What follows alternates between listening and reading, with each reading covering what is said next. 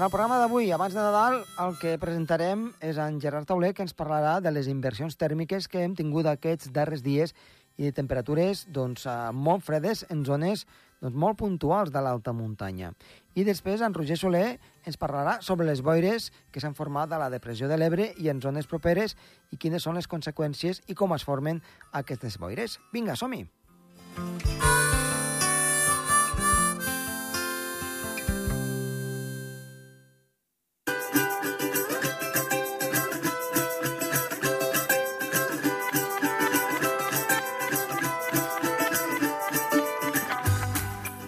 Iniciem el programa, aquest programa doncs, que ens portarà ja cap a la nit de Nadal i primer de tot parlem amb Gerard Tauler. Gerard, molt bona tarda.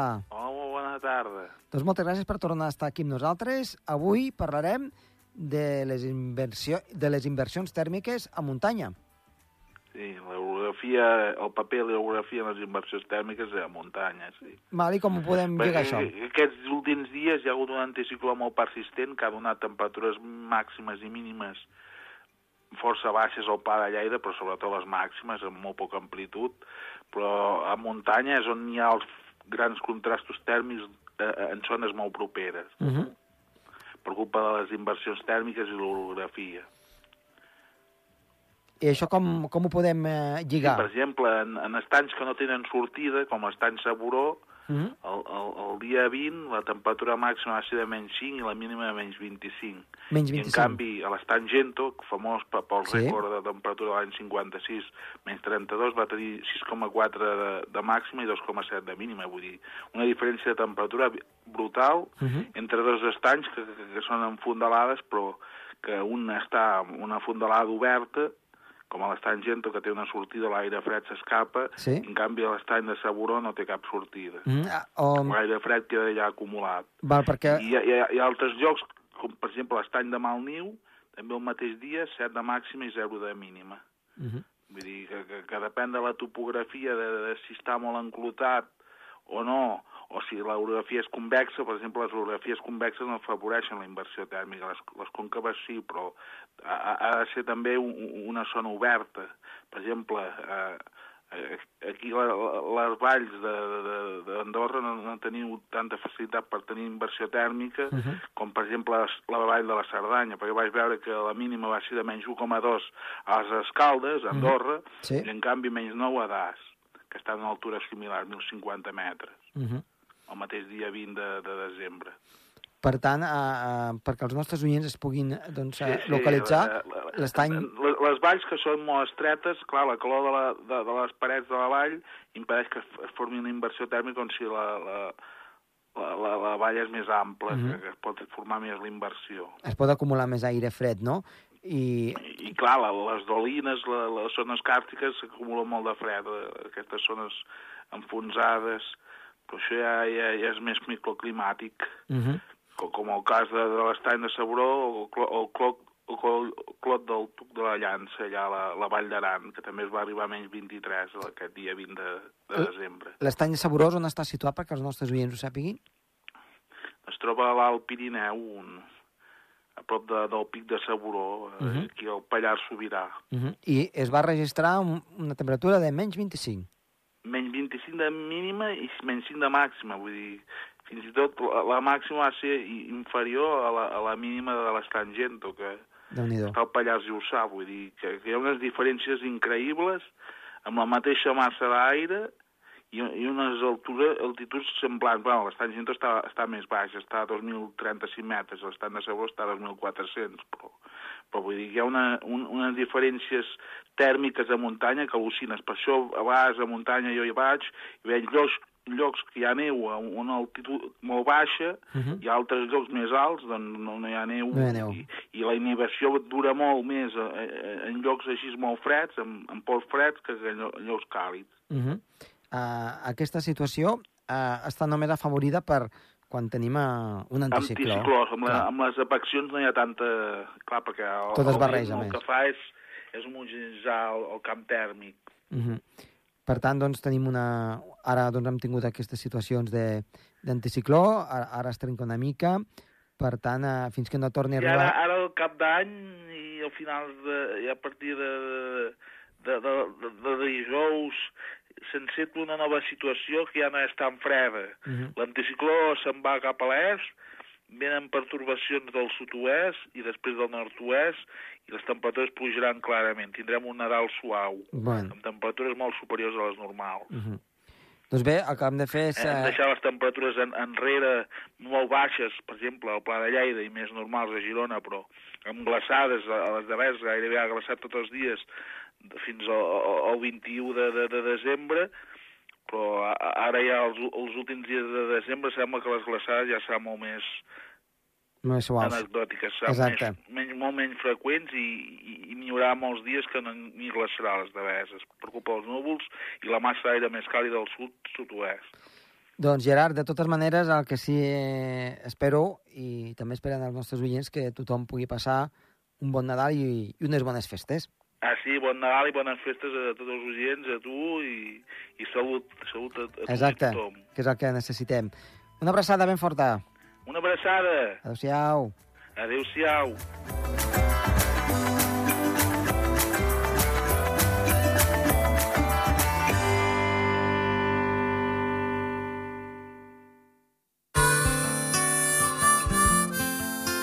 El Torb, amb Josep Tomàs.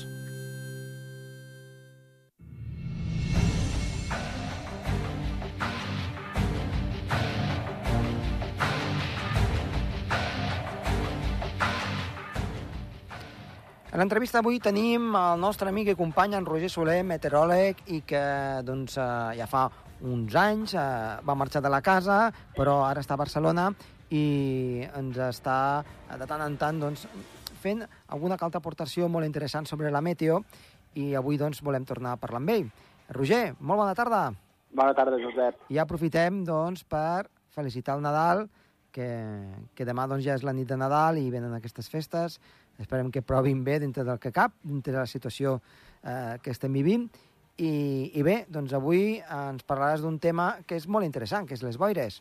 Doncs sí, parlem de les boires, aquest fenomen meteorològic clàssic de, de l'època hivernal, perquè hem d'explicar que dies enrere, i també bona part de la setmana passada, Uh -huh. tota, tota la vall de l'Ebre, la depressió central catalana, l'altiple central, la, la plana de Lleida, estava coberta per aquest matalàs de boira eh, que tenia una, una grossor de, que arribava aproximadament la, co la cota de, entre els 500 i els 700, 800 metres d'alçada. Déu-n'hi-do, eh? entendre-ho, Sí, És- per entendre-ho, no? durant, durant l'hivern, la Vall de l'Ebre i la depressió central catalana i la plana de Lleida és com una mena de, de banyera que es va omplint d'aire fred i d'humitat, nit sí, nit també, Uh -huh. especialment en les nits, que és quan hi ha més eh, refredament, eh, molt aire fred acumulat, sobreacumulació d'aire fred que se satura, i a més les altres, les altes pressions fan, afecten, fan com una mena de, de tapadora, com una mena de tap, ho aixafen, ho aplasten i formen doncs, tot, aquest, eh, tot aquest matalàs, tota aquesta massa de, de boira, Josep. O sigui que, déu nhi eh? No sé si molts, andar, molts andorrans que, que han degut baixar a Barcelona o a Lleida a partir d'Organyà, Oliana, Sí. Pons, ben emboirat tot plegat. ben emboirat i eh, aquí es comentava una mica, eh? eh fa bon temps, saps? Allò que diem, nosaltres no diem mai ni bon temps ni mal temps, perquè no podem donar una qualificació al temps humana, diguem-ne, no? Però vaja, en el llenguatge col·loquial fa bon temps, i jo els deia, sí, però que els hi diguin els de les, la plana de Lleida o la depressió de l'Ebre, si tenen bon temps o tenen mal temps, no? Perquè, clar, està tot el dia amb, amb aquesta boira, amb temperatures molt i molt fredes, eh, doncs un dia o dos és bonic, però quan ja porten 10, 15, 20 dies, doncs la situació ja comença a cansar una mica. La veritat. Doncs sí, doncs sí. I a més, eh, recordes que l'altra vegada havíem parlat dels catabàtics, dels vents Exacte. catabàtics? També, també aquesta, aquesta massa de, de boira genera aire de desguàs, aire de drenatge cap a Mhm. les zones adjacents fora de la boira, perquè eh, és un vent, és, és un fluxe que en diem de desguàs, de drenatge, diguéssim, de descàrrega d'aquesta massa de boira per, perquè l'atmosfera tendeix a equilibrar-ho tot. No? Llavors s'equilibra la massa d'aire molt freda, molt humida, respecte a una massa d'aire menys freda, Uh -huh. eh, menys humida i una mica, i una mica amb temperatures una miqueta més altes. I aquest contrast entre dues masses d'aire provoca aquesta canalització d'aquest vent, que ha deixat temperatures fins a la mateixa costa del Baix Ebre de només 5 graus al Parelló durant molts dies seguits, Mhm. mm -hmm. i vent sostingut de 50 km per hora. Precisament aquí a, a Capellades també, també hem patit, entre cometes, els catalàtics. Uh, algun dia d'aquesta setmana aquest vent, especialment al matí, ha assolit els 50 km per hora, Uh -huh. fruit d'aquest desguàs, d'aquest flux d'aire que travessa, baixa des de, des de l'Alta Noia cap a les Mallores, Conca d'Òdena, i es canalitza per tot l'estret de Capellades i pel, pel riu Anoia fins a pràcticament Martorell, és a dir, que, que, que fa com un efecte embut. Mhm. 50 km per hora de, de vent, de cop de vent és, déu nhi un vent fred, un vent humit, Home, i tant. i és conseqüència, d'altra banda, doncs, de, no, d'aquesta gran massa de, de boira. Molta gent, Josep, ens pregunta per què a vegades la boira aquesta afecta l'altiplà central, Calaf, Pons, la vall del, del Llobregós, Sí. a Guisona, Uh -huh. i no afecta la plana de Lleida, o al revés, Exacte. perquè a vegades afecta la plana de Lleida i l'altiplà central no. Doncs hem de basar-nos en un fet significatiu, que és uh, la capa límit d'inversió tèrmica i uh, com de la magnitud de la pressió atmosfèrica. Uh -huh. I això fa, condiciona de que hi hagi boira en un lloc i no pas en un altre. És a dir, si tenim molta, molt, uh, altes pressions molt fortes, és a dir, una subsidència molt forta de, de 1.038, 1.040 hectopascals, Mm. uh, l'altiplà central està sec. La massa d'aire és seca, no es forma boira. Per tant, la boira queda recluïda a les zones més fondes de Ponent del Pla de Lleida, Segrià, Punts de la Noguera, les Garrigues, Uh -huh. uh, tota la zona del, del Baix Cinca, no? Fraga, uh, aquesta zona tocant amb, amb, amb l'Aragó, diguéssim, la zona més fonda del, de la Vall de l'Ebre. Per què? Doncs perquè la capa límit, al, a l'haver-hi pressions tan altes, Uh -huh. aplasta fins a una cota molt més baixa. Va, per tant, diguem-ne 200, que, que 300 la humitat i el fred queda retingut a, a, a cotes més baixes respecte al nivell del mar en aquesta zona interior, diguem-ne. Ah, exacte, Mhm. efectivament. És com si fiquessis damunt doncs, un, pedres o llibres i no deixessis doncs, que, que marxés aquest Exacte. aire. Eh?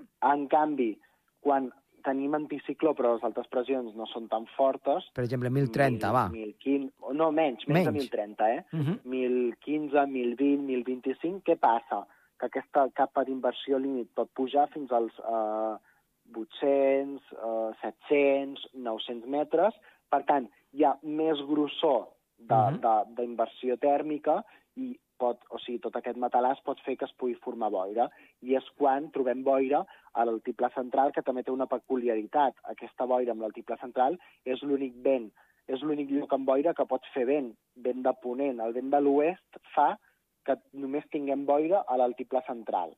Uh I, en -huh. canvi, el Pla de Lleida, si bu, mm, és una situació que a, arriba un front i bufa vent de ponent fort, ho desfà del Pla de Lleida i la manté ancorada a l'altiplà central. Uh -huh. És una mica el que passa com al pas de la casa, Sí. una advecció de component nord, vent de component nord que provoca una boira d'advecció que deixa tapat Exacte. boira al pas de la casa i després a l'altra banda al port d'en Valira fa un bon sol. Doncs el mateix, l'altiplà central amb aquest vent de ponent, com que és una zona elevada, forma aquesta nuvolositat baixa, aquesta, aquesta boira d'advecció i fa que hi hagi només boira allà. Mhm. sembla? Per tant, és un, tot un món superinteressant, això que estàs explicant. Eh, Això també es podria assimilar a, a la plana de Vic, també allí doncs, hi ha força boires. És similar al de l'altiplà central?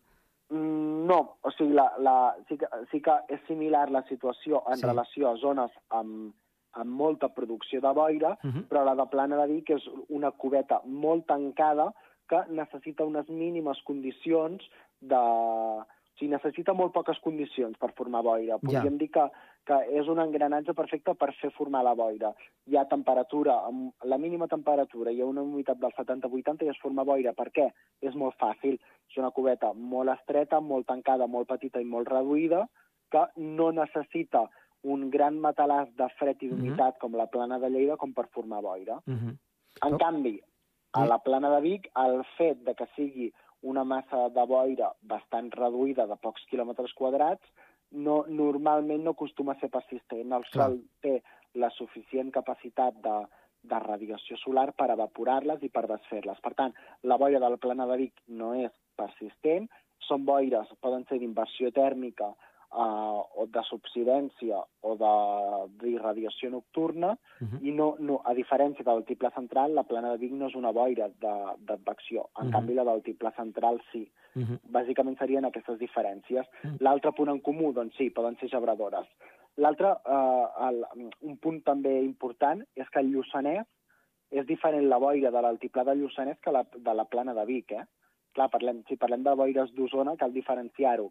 Boira de la plana de Vic, que és la que hem comentat, que en una cubeta molt petita, molt tancada, és molt fàcil Sí. de formar qualsevol dia de l'any. En canvi, la boira del Lluçanès, ojo, perquè és diferent. És com la boira de l'altiplà central. Som, es poden formar, bàsicament, també boires no tant d'inversió tèrmica, perquè és una zona més elevada, però sí boires de, de mm, boires d'advecció, Mhm. poden ser boires d'advecció, d'aquestes, eh, quan fa vent també es pot formar boira a la zona del Lluçanès. Uh -huh.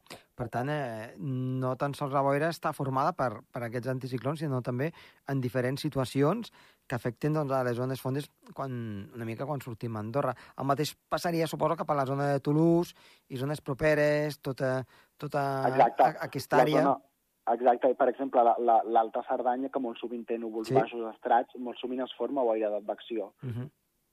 Uh, si, anem, si anem cap al nord d'Europa, ara tornem una mica a Lleida, si anem cap al nord d'Europa, mm, no acostumen a tenir boires, però sí que tenen aquesta espècie de- de- d'estratada, de, d'aquests núvols baixos, que, sí. que si vas pujant en alçada cap a la zona, per exemple, dels Bosgos, eh, allí sí que veus que doncs, eh, té una, un gruix de voltant dels 800.000 metres d'alçada on també es formen aquestes boires. Suposo que deu ser una cosa similar al que tu estàs dient, no?, ara mateix. Doncs sí, perquè són boires, eh, les boires del nord d'Europa també es formen normalment, veiem en el Meteosat tot un gran coixí, tota una gran estela de núvols baixos, es formen també quan hi ha altes pressions, no? Uh -huh. quan la, justament la capa límit deu ser aquests 800, 900, 1.000 metres d'alçada i donen la sensació de cel tapat des Sí. de baix.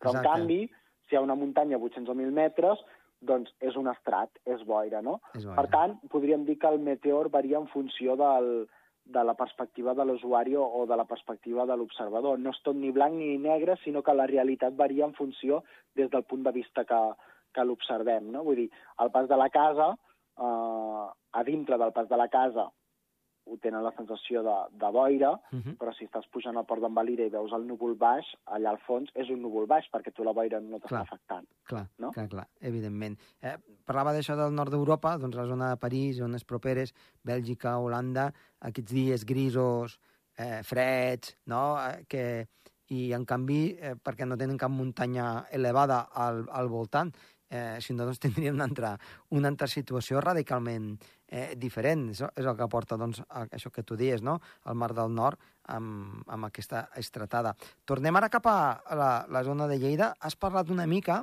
de, de que són boires gebradores. Eh, parlem una pinzellada només de, del que seria tot això. Boires abradores són boires que al baixar la temperatura per sota dels 0 graus Uh -huh. es condensa el vapor d'aigua i forma exgebra, forma aquestes petites gotetes d'aigua es transformen en gel i s'acumulen en terrenys, en vegetació, en arbres, en boscos, en cotxes i molt sovint són perilloses perquè poden formar plaques de gel a les carreteres. Uh, a l'altiplà central són típiques aquestes boires gebradores que et deixen un ambient que sembla Sibèria, cap als anys 90 recordem que hi havia boires gebradores que fins i tot van tombar pals d'electricitat. Sí. Aquest any no hem arribat fins a aquest extrem, però vaja, que dia rere dia aquesta boira gebradora es va acumulant. És com el, és com el congelador que a vegades l'hem de netejar a dintre, Clar, no? clar, Perquè es s'acumula va acumular el gel, no? molt el gel, exacte, doncs el mateix. És com un congelador en ple funcionament a l'aire lliure. Uh -huh. Va acumulant dia rere dia, pots fer mil·límetres o un centímetre de, de glaç d'aquest gebre acumulat. I clar, si sumes dues setmanes amb temperatures per sota de 0 graus, pots tenir mig pam o un pam de gebre en tots els terrenys, en totes les superfícies, i a més, aquest vent de component oest Sí, fa que aquest gebre s'acumuli, diguéssim, eh, horitzontalment a les, a, en els pals de l'electricitat i, clar, faci contrapè. Mm. Això vols dir, aquestes banderetes que es formen, no?, una mica, perquè... No sé- Exacte. Aquestes banderetes que es formen, que es formen cap on va, diguéssim, cap on bufa la direcció del vent. És Mhm. curiós. Uh, ja per acabar, eh? Uh, podríem dir que quan ha aquesta boira eh, precipita, o sigui, plou o, o Correcte. neva, o, Correcte, o no? molt bé, molt bé. La precipitació oculta. La pluja oculta o pluja horitzontal. Què vol dir? Que quan aquesta boira, quan la massa d'aire està tan extremadament sobresaturada d'humitat i de vapor d'aigua, Mhm. provoca la deposició, com un rec gota a gota, Mhm. de, petitula, de petites partícules gotes d'aigua sobre els terrenys, sobre la vegetació, sobre els conreus, i diguéssim que és millor que no pas en un dia, mm, un dia núvol que passi un front que no acabi plovent, que Ja. no deixa ni dècimes de litres. És mi- millor aquesta situació anticiclònica amb altes pressions que provoca aquesta precipitació oculta, que en cas que sigui la temperatura inferior als 0 graus, fa que nevi, fa que aquesta precipitació oculta sigui en forma sòlida, sigui Mhm. en forma de neu, i a vegades aquests dies ens ha anat deixant mig litre, 8 dècimes, 4 dècimes, Mhm. que si sumem al llarg de tota la setmana o 10 dies, aquesta pluja oculta en alguns casos pot sumar més de 5 litres per metre quadrat. Per- És una bona aportació pels conreus, una bona aportació per l'agricultura, perquè és com una gota malaia, va fent, va fent, va fent, i és molt aprofitable. No és com una tempesta d'aquestes de primavera o de tardor, d'aquests aiguats que et plou 100 litres i no s'acumula, no, no s'aprofita res. Mhm. Per tant, podríem dir que eh, neva. Aquest... Exacte. Sí. Ne neva, aquesta precipitació oculta, és en forma de neu quan les temperatures és per sota dels, dels 0 graus. Sí, sí, Mhm. correcte, correcte. És curiós. I, I tant, tant, força curiós, no? Eh, que amb un anticicló doncs, a, arribi a nevar, però aquí tenim doncs, les conseqüències i, de fet, des del satèl·lit Meteosat, quan veus tota aquella massa de núvols que doncs, s'agafa des del naixement pràcticament del riu Ebre fins a la seva desembocadura i, com tu deies, eh, arribant fins a l'altiplà, eh, doncs eh, és una fotografia força maca. Eh? A més, aquests dies, amb el contrast amb el Pirineu eh, ben nevat. Ben nevat. I tant, i tant. Doncs, Roger, moltíssimes gràcies per estar una vegada més aquí amb nosaltres i et desitgem que passis unes bones festes. Igualment, una abraçada a tothom. Adéu-siau.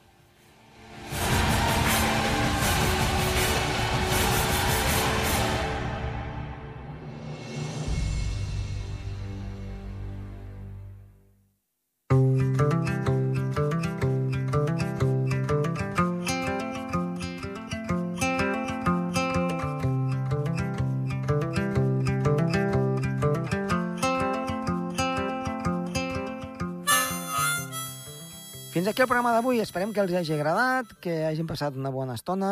Els desitgem que tinguin un bon Nadal. Des de, en aquest cas, l'àudio tenim en Toni Escur i jo mateix, Josep Tomàs. Adéu-siau, fins la propera.